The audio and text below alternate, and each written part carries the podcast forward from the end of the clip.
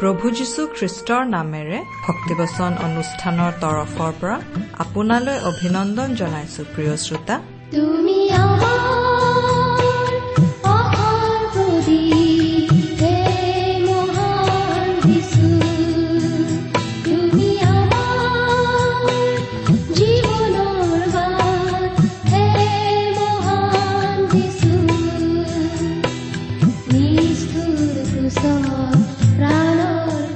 ভক্তিবচন অনুষ্ঠানৰ আজিৰ এই শিক্ষা শুনিবলৈ আপোনাৰ বহুমূলীয়া সময় খৰচ কৰাৰ বাবে ধন্যবাদ। আপুনি খৰচ কৰা এই সময়খিনিয়ে আপোনাৰ জীৱনক এক বিশেষ আশীৰ্বাদ কৰিব বুলি বিশ্বাস কৰোঁ।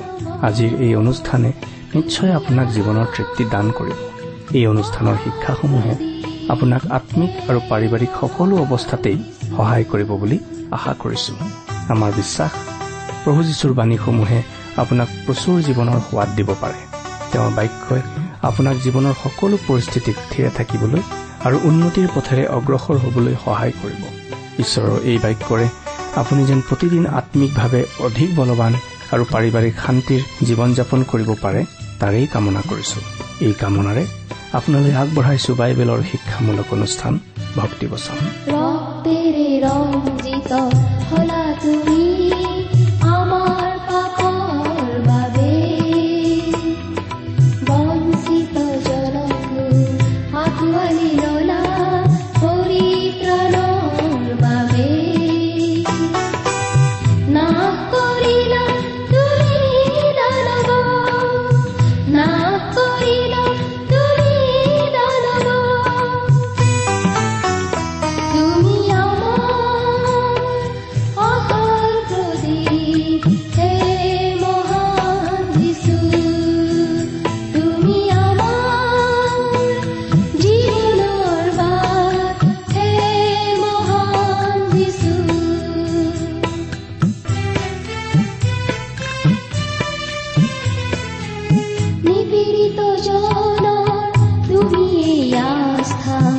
শোষিত জনৰ তুমি লক্ষ্যবিহীন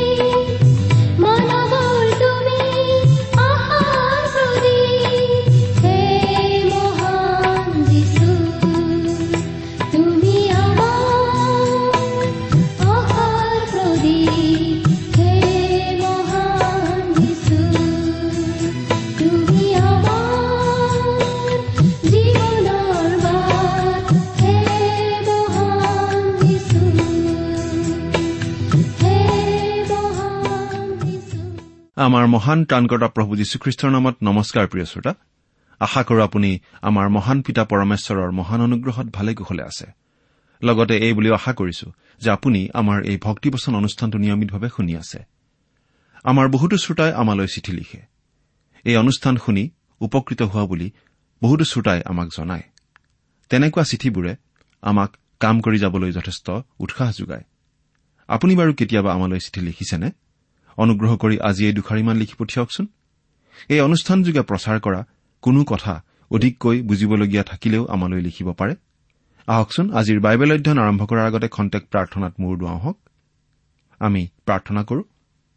আমাৰ স্বৰ্গত থকা মৰমীয়াল পিতৃ ঈশ্বৰ তোমাক ধন্যবাদ জনাওঁ কাৰণ তোমাৰ মহান বাক্য বাইবেল শাস্ত্ৰ অধ্যয়ন কৰিবলৈ তুমি আমাক আকৌ এটা সুযোগ দান কৰিছা।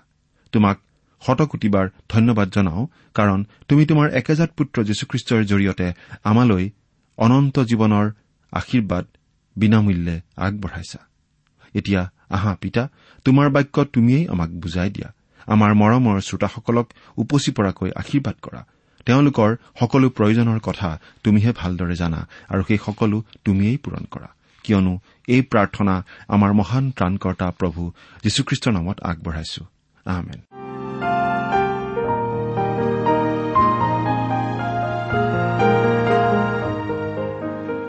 প্ৰিয় শ্ৰোতা আপুনি বাৰু আমাৰ এই ভক্তিবচন অনুষ্ঠানটো নিয়মিতভাৱে শুনি আছেনে? আমি যোৱা অনুষ্ঠানত বাৰু কি আলোচনা কৰিছিলো? আমি আজি ভালেমান দিন ধৰি বাইবেলৰ পুৰণি নিয়ম খণ্ডৰ উপদেশক নামৰ পুস্তকখন অধ্যয়ন কৰি আছো। নহয় জানো? আমি ইতিমধ্যে এই উপদেশক পুস্তকখনৰ চাৰি নম্বৰ অধ্যায়লৈকে আমাৰ অধ্যয়ন আগবঢ়াই নিছিলো যোৱা অনুষ্ঠানত। গতিকে আজিৰ অনুষ্ঠানত আমি এই উপদেশক পুস্তকখনৰ পাঁচ নম্বৰ অধ্যায়ৰ গোটেইকেইটা পদ চোৱাৰ লগতে ছয় নম্বৰ অধ্যায়ৰো গোটেইকেইটা পদ আলোচনা কৰিম। আজিৰ আলোচনাটো হৃদয়ক সন্তুষ্ট কৰিবলৈ চলোমনে কিছুমান নতুন নতুন কাৰ্য কৰা আমি দেখিবলৈ পাম আৰু জানিব পাৰিম যে তেওঁ উদ্দেশ্যত সফল হ'ব পৰা নাছিল। অৰ্থাৎ তেওঁৰ হৃদয়ো সন্তুষ্ট হোৱা নাছিল। প্ৰিয় শ্ৰোতা নিজৰ হৃদয়ক সন্তুষ্ট কৰিবলৈ চলোমন ৰজাই আগতে কিমানবিলাক পৰীক্ষা নিৰীক্ষা চেষ্টা প্ৰচেষ্টা ইত্যাদি কৰিলে সেইবিলাক আমি জানি আহিলো। আৰু জানিবলৈ পালো যে চলোমন ৰজাই সেই সকলোবিলাককেই অসাৰ দেখিলে। কাৰণ কোনোটোৱেই তেওঁৰ হৃদয়ক সন্তুষ্ট কৰিব পৰা নাছিল। তথাপিতো তেওঁ চেষ্টা বাদ দিয়া নাই। এইবাৰ আন এটা বিষয় চেষ্টা কৰিবলৈ তেওঁ হাতত লৈছে। আৰু সেইটো হৈছে ধৰ্ম। এই বিষয়ে ৰজা চলোমনে যিবিলাক কথা কব সেইবিলাক শুনি আপুনি হয়তো জিকাৰ খাই উঠিবও পাৰে। তথাপিতো ধৈৰ্যৰে শুনিব কাৰণ তাৰ যোগেদি আমি কিবা এটা শুনিব পাৰিম কিবা এটা জানিব পাৰিম। প্ৰিয় শ্ৰোতা এই কথা আমি নিশ্চয় সকলোৱে জানো। যে বিভিন্ন ধৰণৰ ধৰ্ম ব্যৱস্থাই পৃথিৱীৰ সৰহভাগ মানুহক ভাগ ভাগ কৰি পেলাইছে বা মানুহক বিশেষভাৱে প্ৰভাৱিত কৰিছে। বিভিন্ন ধৰণৰ এনেকুৱা ব্যৱস্থাবোৰে মানুহৰ ওপৰত কেনেকুৱা প্ৰভাৱ পেলাইছে সেই কথা জানিবলৈ হলে নানা ধৰণৰ দেৱ দেৱীক পূজা কৰা তেনেকুৱা ব্যৱস্থাবোৰলৈকে চাওকচোন। সেই ব্যৱস্থাবোৰে অতীতত মানুহক কি কৰিছিল আৰু বৰ্তমানেও মানুহক কি কৰি আছে? আমি এই কথাকেই যদি চিন্তা কৰি চাওঁ আমি বহুত কথাই বুজি পাম। নিশ্চয় নকলেও আমি বুজি পাম। পৃথিৱীৰ আন মানুহতকৈ আমাৰ যে জ্ঞান বুদ্ধি কম এনে নহয়। কিন্তু বিভিন্ন ধৰণৰ এনেকুৱা ব্যৱস্থাবোৰে এনেকুৱা বিশ্বাসবোৰে মানুহক বহুত সময়ত একেবাৰে তল কৰি ৰাখে। আন এখন এছিয়াৰ বৃহৎ দেশৰ ক্ষেত্ৰত চাওক। তেওঁলোকৰ ক্ষেত্ৰতো তেওঁলোকৰ যিটো বিশ্বাস যিটো ধৰ্ম ব্যৱস্থা তেওঁলোকক আচলতে একো সহায় কৰিব পৰা নাই। বৰং বহু ক্ষেত্ৰত তেওঁলোকক দবাইহে ৰাখিছে। আন কিছুমান ধৰ্ম বিশ্বাসৰ ক্ষেত্ৰতো একেই কথা খাটে। আৰু আমি এনেকুৱা বহুতো ধৰ্মীয় গোষ্ঠীক দেখা পাওঁ যে তেওঁলোকো ভাগি পৰিছে। প্ৰাকৃতিক সম্পদৰ ক্ষেত্ৰত কিছুমান ঠাই আন কিছুমান উন্নত ঠাইতকৈ কোনো গুণে কম নহয়। কিন্তু প্ৰাকৃতিক সম্পদ আদিৰ ক্ষেত্ৰত অতি ধনী হোৱা সত্বেও সেই ঠাইবোৰৰ মানুহবোৰে অতি দুখ লগা অৱস্থাত থাকে। আৰু আচলতে এই যে তেওঁলোক দুখ লগা অৱস্থাত থাকে তাৰ বাবেও আচলতে তেওঁলোকৰ যিটো বিশ্বাস যিটো ধৰ্ম ব্যৱস্থা সেইটোৱেই দায়ী বুলি ক'ব পাৰি। আনকি খ্ৰীষ্টীয় ধৰ্মৰ ক্ষেত্ৰতো একে কথাই খাটে। যেতিয়াই খ্ৰীষ্টীয় ধৰ্মৰ লোকসকলে ঈশ্বৰক বিশ্বাস নকৰা হৈছে আৰু ঈশ্বৰৰ মহান বাক্য বাইবেলক সন্মান নকৰা হৈছে তেতিয়াই সংঘাতৰ সৃষ্টি হৈছে আৰু ধ্বংসই ক্ষতিসাধন কৰি আহিছে। আৰু আমি জানো ইতিহাসৰ পাতত আমি পাই আহিছো যে এনেকুৱা খ্ৰীষ্টীয় ধৰ্মীয় মৌলবাদৰ বিৰুদ্ধে কিছুমান ব্যক্তিয়ে সংস্কাৰ আন্দোলন চলাইছিল। আৰু তাৰ ফলতেই কিছুমান পৃথিৱী বিখ্যাত বিপ্লৱৰ সূচনা হৈছিল। সেইকাৰণে আমি আপোনাক ক'ব খুজিছো যে আপুনি যদি কোনো ধৰ্ম ধৰি আছে অৰ্থাৎ ধৰ্ম ব্যৱস্থাৰ ওপৰত ভৰসা কৰি আছে তেনেহলে তাৰ পৰা একো লাভ নাই। আচলতে আমাৰ বিশ্বাস থাকিব লাগে একমাত্ৰ এজন ব্যক্তি অৰ্থাৎ যীশুখ্ৰীষ্টৰ ওপৰত। আৰু আচলতে আমি যিবোৰ বিচাৰি যিবোৰ আশা কৰি কোনো বিশ্বাস কোনো ব্যৱস্থা গ্ৰহণ কৰিছো সেই সকলোবোৰ আমি খ্ৰীষ্টতেই পাব পাৰোঁ। খ্ৰীষ্টিয়ান হোৱা মানে খ্ৰীষ্টক ধৰা। আৰু তেওঁক যদি আমি ধৰো তেন্তে তেওঁ আমাৰ বাবে যি যি কৰিলে সেইখিনি জানি আমি সুখী আৰু আনন্দিত হওঁ। ৰজা চলোমনেও ধৰ্ম ব্যৱস্থাৰ যোগেদি শান্তি পাবলৈ গৈ কি কৈছে সেই বিষয়ে আমি এই উপদেশক পুস্তকৰ পাঁচ নম্বৰ অধ্যায়ৰ প্ৰথম পদটি পাঠ কৰিছো শুনিবচোন। উপদেশক পাঁচ নম্বৰ অধ্যায়ৰ এক নম্বৰ পদ। তুমি ঈশ্বৰৰ গৃহলৈ যোৱা কালত তোমাৰ ভৰি সাৱধানে ৰাখিবা। কাৰণ অজ্ঞানবোৰৰ দৰে বলিদান কৰাতকৈ শুনিবলৈ ওচৰ চপাই ভাল। কিয়নো সিহঁতে যে বেয়া কাম তাক সিহঁতে নাজানে। চলোমনে ঈশ্বৰৰ গৃহলৈ গৈছিল আৰু ঈশ্বৰৰ কাৰণে কিবা এটা কৰাতকৈ ঈশ্বৰৰ কথা মনোযোগেৰে শুনা বেছি ভাল বুলি তেওঁ কৈছিল। আজিকালি আমাৰ মানুহবিলাকে নিজ নিজ ধৰ্মস্থানলৈ কিবা এটা কৰিবলৈ যায়। কিন্তু কৰাৰ আগতে ঈশ্বৰেনো কি কৈছে সেইটোহে তেওঁলোকে জানি লোৱাটো দৰকাৰ। পদ। তোমাৰ মুখেৰে অবিবেচকৰূপে কথা নকবা আৰু ঈশ্বৰৰ আগত কথা উচ্চাৰণ কৰিবলৈ তোমাৰ মনক বেগী হ'ব নিদিবা। কিয়নো ঈশ্বৰ স্বৰ্গত আৰু তুমি পৃথিৱীত আছা। এইকাৰণে তোমাৰ কথা অলপ হওক। প্ৰিয় শ্ৰোতা আৱেগ বা অনুভূতিৰ বশৱৰ্তী হৈ ঈশ্বৰৰ কাৰণে অৰ্থহীনভাৱে কোনো সংকল্প নকৰিব। আৰু যদি সংকল্প কৰে তেন্তে তাক সিদ্ধ নকৰাকৈ নাথাকিব। ঈশ্বৰৰ আগত আমি বেছি কথা ক'ব নোৱাৰো কাৰণ তেওঁ ঈশ্বৰ আমি মানুহ। তেওঁৰ সমান আমি কেতিয়াও হ'ব নোৱাৰো আৰু তেওঁক সম্পূৰ্ণকৈ আমি কোনেও কেতিয়াও বুজি নাপাওঁ। তিনি নম্বৰ পদ। কিয়নো অধিক কাৰ্যৰ দ্বাৰাই সপোন দেখা যায় আৰু অধিক বাক্যৰ দ্বাৰাই অজ্ঞানৰ মাত বুজা যায়। ইয়াত কোৱা হৈছে যে কোনো এজন মানুহে বেছিকৈ কথা কলে তেওঁৰ জ্ঞানৰ পৰিচয় পোৱা যায়। তেওঁৰ আচল জ্ঞান কিমান সেই কথা প্ৰকাশ হৈ যায়। আৰু অধিক কৰ্ম কৰিবলৈ সংকল্প কৰিলে এটাও সিদ্ধ নহয় আৰু ই সপোনত পৰিণত হয়। গতিকে আমি কথা কওঁতে অতি সাৱধান হ'ব লাগে। আনকি ঈশ্বৰৰ আগত প্ৰতিজ্ঞা কৰোতেও সাৱধান হ'ব লাগে। চাৰি নম্বৰ পদ ঈশ্বৰৰ আগত সংকল্প কৰিলে তাক সিদ্ধ কৰিবলৈ পলম নকৰিবা কিয়নো তেওঁ অজ্ঞানবোৰত সন্তোষ নাপায়। তুমি যি সংকল্প কৰা তাক সিদ্ধ কৰা। প্ৰিয় শ্ৰোতা ঈশ্বৰ নিজ বাক্যত অতি বিশ্বাসী। তেওঁৰ কথা সিদ্ধ নকৰাকৈ কেতিয়াও নাথাকে। আৰু সেই একেদৰে আমাকো নিজ বাক্যত বিশ্বাসী হোৱাটো ঈশ্বৰে বিচাৰে। সেইকাৰণে আমি যধে মধে একো সংকল্প কৰা উচিত নহয়। ভালদৰে ভাবি চিন্তি জুখি মাখি চাইহে আমি সংকল্প কৰিব লাগে। আৰু যদিহে আমি কিবা সংকল্প কৰো সেই সংকল্প সিদ্ধ নকৰাকৈ আমি থাকিব নালাগে। কেতিয়াবা সভাবিলাকত ৰাজহুৱাভাৱে সংকল্প কৰিবলৈ আহান কৰা হয় আৰু তেতিয়া আৱেগিকভাৱে বা দেখাকে দেখি মানুহবিলাকে ঈশ্বৰৰ কাৰণে কিবা এটা কৰিম বুলি প্ৰতিজ্ঞা কৰে কিন্তু সময়ত একো নকৰে। এনে ভুল কিন্তু আমি কৰা উচিত নহয় কাৰণ আমাৰ প্ৰতিজ্ঞা আমি পাহৰিলেও ঈশ্বৰে কিন্তু নাপাহৰে বৰং তেওঁ হিচাপত ৰাখে। প্ৰতিজ্ঞা সিদ্ধ কৰাৰ বিষয়ে লেবিয়া পুস্তকৰ সাতাইছ নম্বৰ অধ্যায়ত নাচৰীয় ব্ৰত বুলি এটা বিধি দিয়া হৈছে আৰু তাত প্ৰতিজ্ঞা সিদ্ধ কৰা বিষয়টো বৰ গুৰুত্ব সহকাৰে কোৱা হৈছে। সেইকাৰণে সংকল্পৰ যিটো কথা সেই কথাটো আমি ধৰ্মীয় নীতি নিয়ম বা আনুষ্ঠানিক কাৰ্য বুলি ভবা উচিত নহয়। বৰং ইয়াক ঈশ্বৰৰ লগত কৰা বন্দোবস্ত বুলি আমি জানিব লাগে।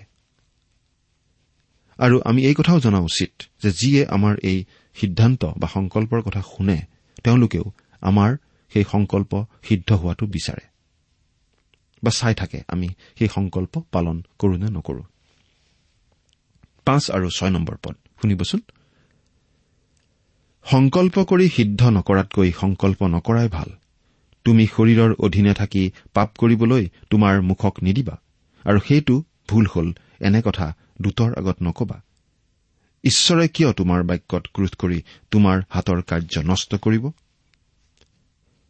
ঈশ্বৰ যিহেতু জীৱন্ত আৰু সত্য সেয়েহে তেওঁৰ কাৰণে কিবা প্ৰতিজ্ঞা কৰি পাছত এয়া মই ভুলতে কৰিলো। এই প্ৰতিজ্ঞা নকৰাই ভাল আছিল। এইবিলাক কথা নকব। তেনে কৰিলে আমি ঈশ্বৰৰ আশীৰ্বাদৰ পৰা বঞ্চিত হ'ম।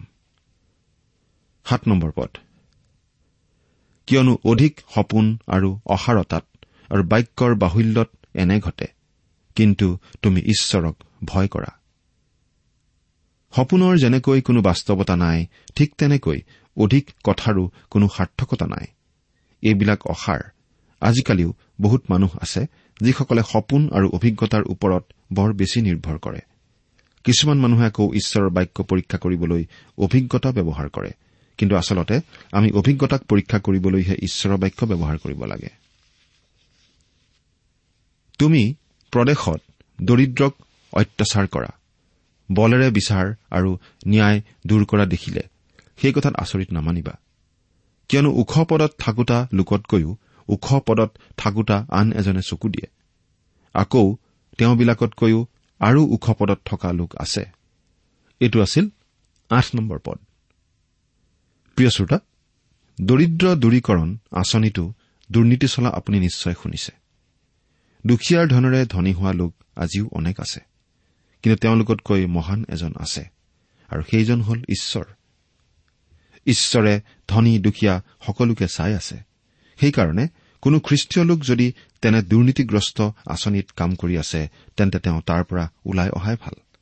কাৰণ ইতিহাসে প্ৰমাণ কৰিছে যে ঈশ্বৰে দেখাত এনে দুৰ্নীতি চিৰদিন চলি থাকিব নিদিয়ে। উদাহৰণস্বৰূপে আমি বিভিন্ন ঠাইত ঘটা বিপ্লৱবোৰলৈকে আঙুলিয়াব পাৰো। আমাৰ প্ৰভু যীশুখ্ৰীষ্ট যেতিয়া পুনৰ আহিব আৰু হাজাৰ বছৰ ৰাজত্ব কৰিব তেতিয়া এই পৃথিৱীৰ পৰা দুৰ্নীতি নাইকিয়া হ'ব। আৰু দুখীয়াবিলাকেও নিজৰ অংশ আৰু ন্যায় বিচাৰ পাব। প্ৰিয় শ্ৰোতা এতিয়ালৈকে আমি জানিব পাৰিলো যে ৰজা চলোমনে বিজ্ঞানৰ যোগেদি প্ৰকৃতিৰ যোগেদি প্ৰজ্ঞা আৰু দৰ্শনৰ যোগেদি আমোদ প্ৰমোদ লাহবিলাহ আৰু জাগতিক সম্পদবোৰৰ যোগেদি হৃদয়ক সন্তুষ্ট কৰিব বিচাৰিছিল। কিন্তু তেওঁ হৃদয়ক সন্তুষ্ট কৰিব পৰা নাছিল।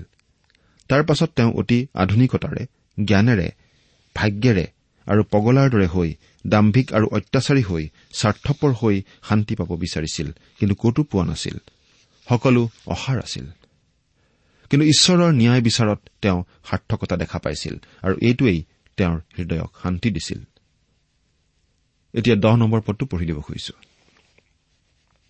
যি মানুহে ৰূপ ভাল পায় তেওঁ ৰূপত তৃপ্ত নহয়। নাইবা যি মানুহে অধিক ধন সম্পত্তি ভাল পায় সি আয়ত তৃপ্ত নহয়। ইও অসাৰ। প্ৰিয় শ্ৰোতা চলোমনৰ অগাধ সম্পত্তি আছিল। তেওঁৰ দৰে ধনী ৰজা আগতে নাছিল আৰু ভৱিষ্যতেও নহব পাৰে। তথাপিতো তেওঁৰ হৃদয় ধনত তৃপ্ত হোৱা নাছিল। আজিও আমাৰ বহুতো ধনী মানুহ আছে কিন্তু ধনত তেওঁলোক তৃপ্ত হোৱা নাই তৃপ্ত হ'ব নোৱাৰে। এইখিনিতেই ক'ব লাগিব যে ধন নিজে বেয়া নহয় আৰু ধনৰ বিৰুদ্ধে শাস্ত্ৰই একো কোৱাও নাই। কিন্তু ধনৰ প্ৰতি থকা লোভেই হ'ল সকলো মন্দতা সকলো দুষ্টতাৰ মূল। এই বুলিহে বাইবেলে শিকায়। লোভৰ বশত ধন আহৰণ কৰাটো ভুল লাভ বা আয় কৰাটো বেয়া নহয় কিন্তু পাকে প্ৰকাৰে চলে বলে কৌশলে ধনী হবলৈ চেষ্টা কৰাটো বেয়া। আৰু সেইটোৱেই লোভ। আজি অনুষ্ঠান প্ৰতিষ্ঠান কোম্পানী ইত্যাদিবিলাকৰ প্ৰধান লক্ষ্য জনগণৰ কল্যাণ নহয় বৰং জনগণৰ পৰা টকা পইচা কেনেদৰে সৰকাব পাৰে কেনেদৰে ধনী হ'ব পাৰে সেইটোহে তেওঁলোকৰ লক্ষ্য। কিছুদিন আগতে আমাৰ এই দেশৰ কথাটোকেই চাওকচোন। মহাৰজা মহাজন আৰু জমিদাৰবিলাক অতি ধনী আছিল। কিন্তু তেওঁলোকৰ শ্ৰমিক আৰু সৰ্বসাধাৰণ ৰাইজ অতি দুখীয়া দৰিদ্ৰ আছিল। লোভৰ কাৰণে এইবিলাক হবলৈ পায় আৰু সেয়েহে ঈশ্বৰৰ দৃষ্টিত তেওঁলোক ঘৃণনীয় কাম কৰা ব্যক্তি হয়। ঈশ্বৰৰ দৃষ্টিত লোভ ঘৃণনীয়। এঘাৰ নম্বৰ পদটো পাঠ কৰি দিছো। ধন সম্পত্তি বাঢ়িলে তাক খাওঁতাও বাঢ়ে। এতেকে তাক চকুৰে দেখাৰ বাহিৰে তাৰ গৰাকীবিলাকৰ কি লাভ? প্ৰিয় শ্ৰোতা আমাৰ অসমীয়াতে কথা এটা আছে যে নাচোনৰ ধন কাচোনত যায় আৰু হাতীয়ে খাই যিমান লাডেও সিমান। ধনৰ ক্ষেত্ৰতো একেই কথা। অধিক ধন আচলতে চকুৰে চাই তৃপ্তি লভাৰ নিচিনাহে হয় কাৰণ তাৰ পৰা আচলতে লাভ নাই। তাৰ ফল আচলতে বেলেগেহে ভোগ কৰে। বাৰ নম্বৰ পদ। বনোৱা লোকে সৰহ বা অলপ আহাৰ কৰিলেও তাৰ টোপনি সন্তোষজনক। কিন্তু ধনবানৰ অধিক ধন সম্পত্তিয়ে তাক টোপনি যাব নিদিয়ে। এই কথাও সঁচা যে পৰিশ্ৰম কৰা মানুহে বৰ বেছিকৈ খাবলৈ নাপালেও বেছি ধন সম্পত্তি নাথাকিলেও শান্তিৰে শুব পাৰে। কিন্তু ধনী মানুহে ধনৰ চিন্তাত ভালদৰে আনকি টোপনি যাবও নোৱাৰে। এগৰাকী বিখ্যাত বাইবেল শিক্ষকে এনেদৰে কৈছে যে তেখেতে এখন ডাঙৰ হোটেলত থাকোতে এজন ধনী মানুহে খাবলৈ টেবুলত বহিছিল আৰু তেওঁৰ আগত বিভিন্ন খোৱা বস্তু দিয়া হৈছিল। কিন্তু তেওঁ তৃপ্তিৰে খাব পৰা নাছিল। কাৰণ সুস্বাদু বস্তু খাই খাই তেওঁৰ আমুৱাই গৈছিল। অকল সিমানেই নহয় হোটেলৰ বেহেৰাজনে এখন থালত ডাঙৰ ভজা ভজা কুকুৰা এটা তেওঁৰ বাবে লৈ ৰখি আছিল। কি যে বিচিত্ৰ জগত খাব পৰাজনে খাব নাপায় আৰু খাব নোৱাৰাজনে উপচি পৰাকৈ খায় কিন্তু তথাপি সন্তুষ্ট নহয়। আমুৱাই। তেৰ নম্বৰ পদ। মই সূৰ্যৰ তলত যন্ত্ৰণাদায়ক এই অনিষ্ট দেখিলো যে ধনৰ গৰাকীৰ অপকাৰলৈহে ধন ৰখা হয়। এৰা এই কথাও সঁচা যে বহুতো মানুহৰ ক্ষেত্ৰত ধনে সুখ দিয়াতকৈ দুখহে দিয়ে আৰু বহুতো দুখীয়া মানুহ ধনীতকৈ বেছি সুখী। চৈধ্য নম্বৰ পদ শুনিবচোন। সেই ধন দুৰ্ঘটনাত নষ্ট হয় আৰু পুত্ৰ এটি জন্মিলে তাৰ হাতত একোৱেই নাথাকে।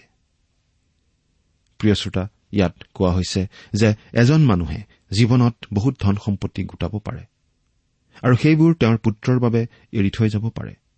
কিন্তু পুত্ৰই নিমিষতে সেই সকলো সম্পত্তি নিশেষ কৰি পেলাব পাৰে। সেইকাৰণে পুত্ৰৰ বাবে সম্পত্তি ৰাখি থৈ যোৱাটো আচলতে অসাৰ। আজিকালি অৱশ্যে মানুহ বুদ্ধিয়ক হৈছে আৰু সম্পত্তিবিলাক আইনৰ দ্বাৰা বান্ধি থৈ যায় যাতে সেইবিলাক বিক্ৰী কৰিব নোৱাৰে। কেৱল তাৰ পৰা হোৱা উপাৰ্জনহে ভোগ কৰি থাকিব পাৰে। আন কিছুমান মানুহ আছে যিসকলে একো নকৰে। কিন্তু পৈতৃক সম্পত্তিত তেওঁলোক অতি ধনী হোৱা হেতুকে অনাহকতেই সমাজত প্ৰভাৱ বিস্তাৰ কৰিব পাৰে। এইটো আমাৰ এটি ডাঙৰ সমস্যা। সমাজত ধনী দুখীয়াৰ এনেকুৱা প্ৰভেদ থকা কাৰণেই সমাজত নানা ধৰণৰ সমস্যাৰ সৃষ্টি হয়। নানা ধৰণৰ সংঘৰ্ষৰ সৃষ্টি হয়। ৰজা চলোমনে এই কথা বুজি পাইছিল আৰু সেইকাৰণে তেওঁ কৈছিল ধনো অসাৰ। কাৰণ এই ধনে মানুহক ধনী কৰিব পাৰে শান্তি নিদিয়ে। এই ধনে মানুহৰ মাজলৈ অশান্তি আনে। নানা ধৰণৰ অশান্তিৰ সৃষ্টি কৰে। এই কথা একেবাৰে সঁচা। ধনেৰে সকলো কিনিব পাৰি কিন্তু হৃদয়ৰ শান্তি হলে কিনিব নোৱাৰি। উপদেশক পুস্তকৰ পাঁচ নম্বৰ অধ্যায়ৰ আলোচনা আমি ইমানতেই সামৰিছো আৰু এতিয়া আমি ছয় নম্বৰ অধ্যায়লৈ আগবাঢ়িছো। এই ছয় নম্বৰ অধ্যায়টোৰ প্ৰথম আৰু দ্বিতীয় পদ দুটি পাঠ কৰি দিছো শুনিবচোন।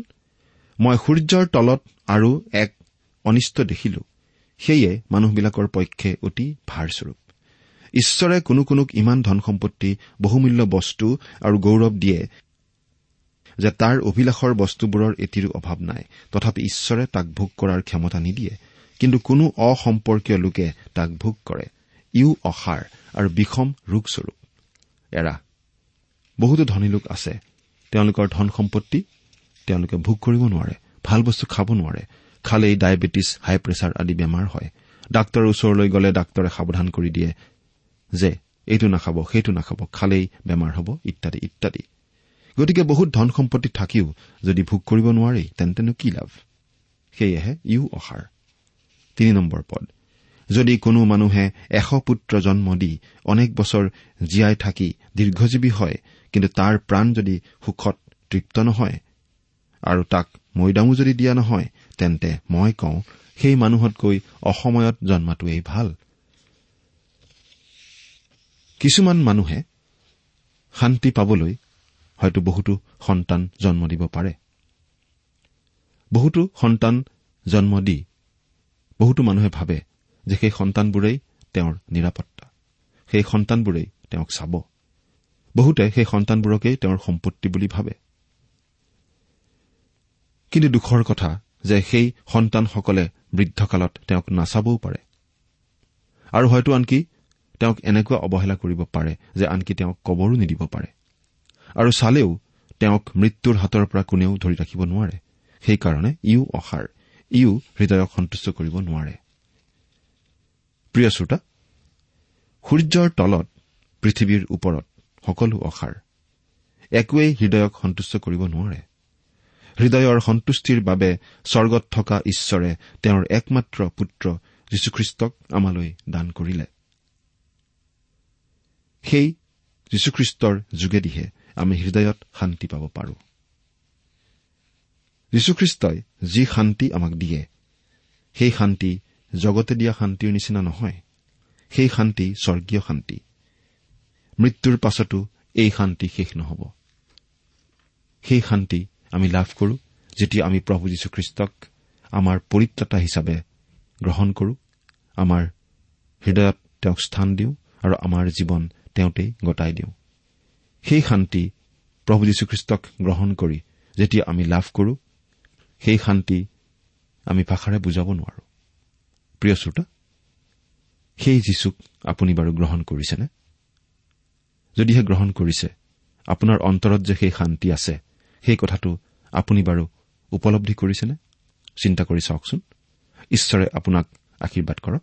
আমেন।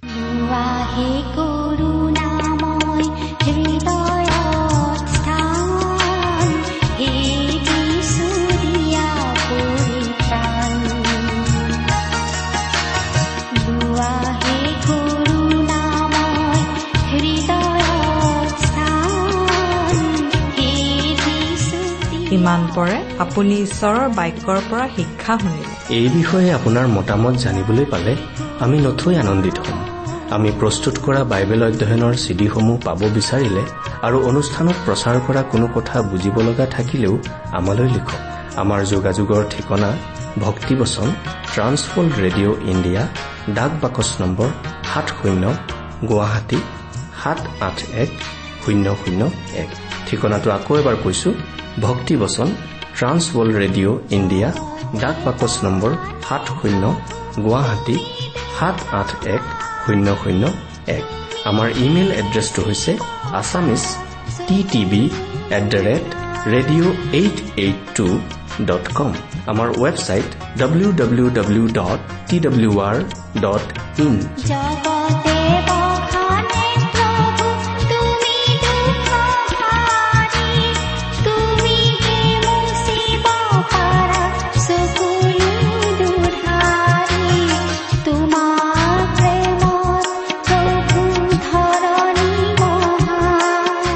আপুনি টেলিফোনৰ মাধ্যমেৰেও আমাক যোগাযোগ কৰিব পাৰে। আমাৰ টেলিফোন নম্বৰটো হৈছে nine eight five four zero' four zero' eight eight nine. Phone নম্বৰটো আকৌ এবাৰ কৈছো ন আঠ পাঁচ চাৰি শূন্য চাৰি শূন্য আঠ আঠ ন। আপুনি এই ভক্তিবচন অনুষ্ঠানটি আমাৰ website W W W dot radio' eight eight two dot কমতো শুনিব পাৰিব। আজিৰ অনুষ্ঠানটি ইমানতেই সামৰিছো। ঈশ্বৰৰ শান্তি আৰু অনুগ্ৰহ আপোনাৰ লগত থাকক। ধন্যবাদ।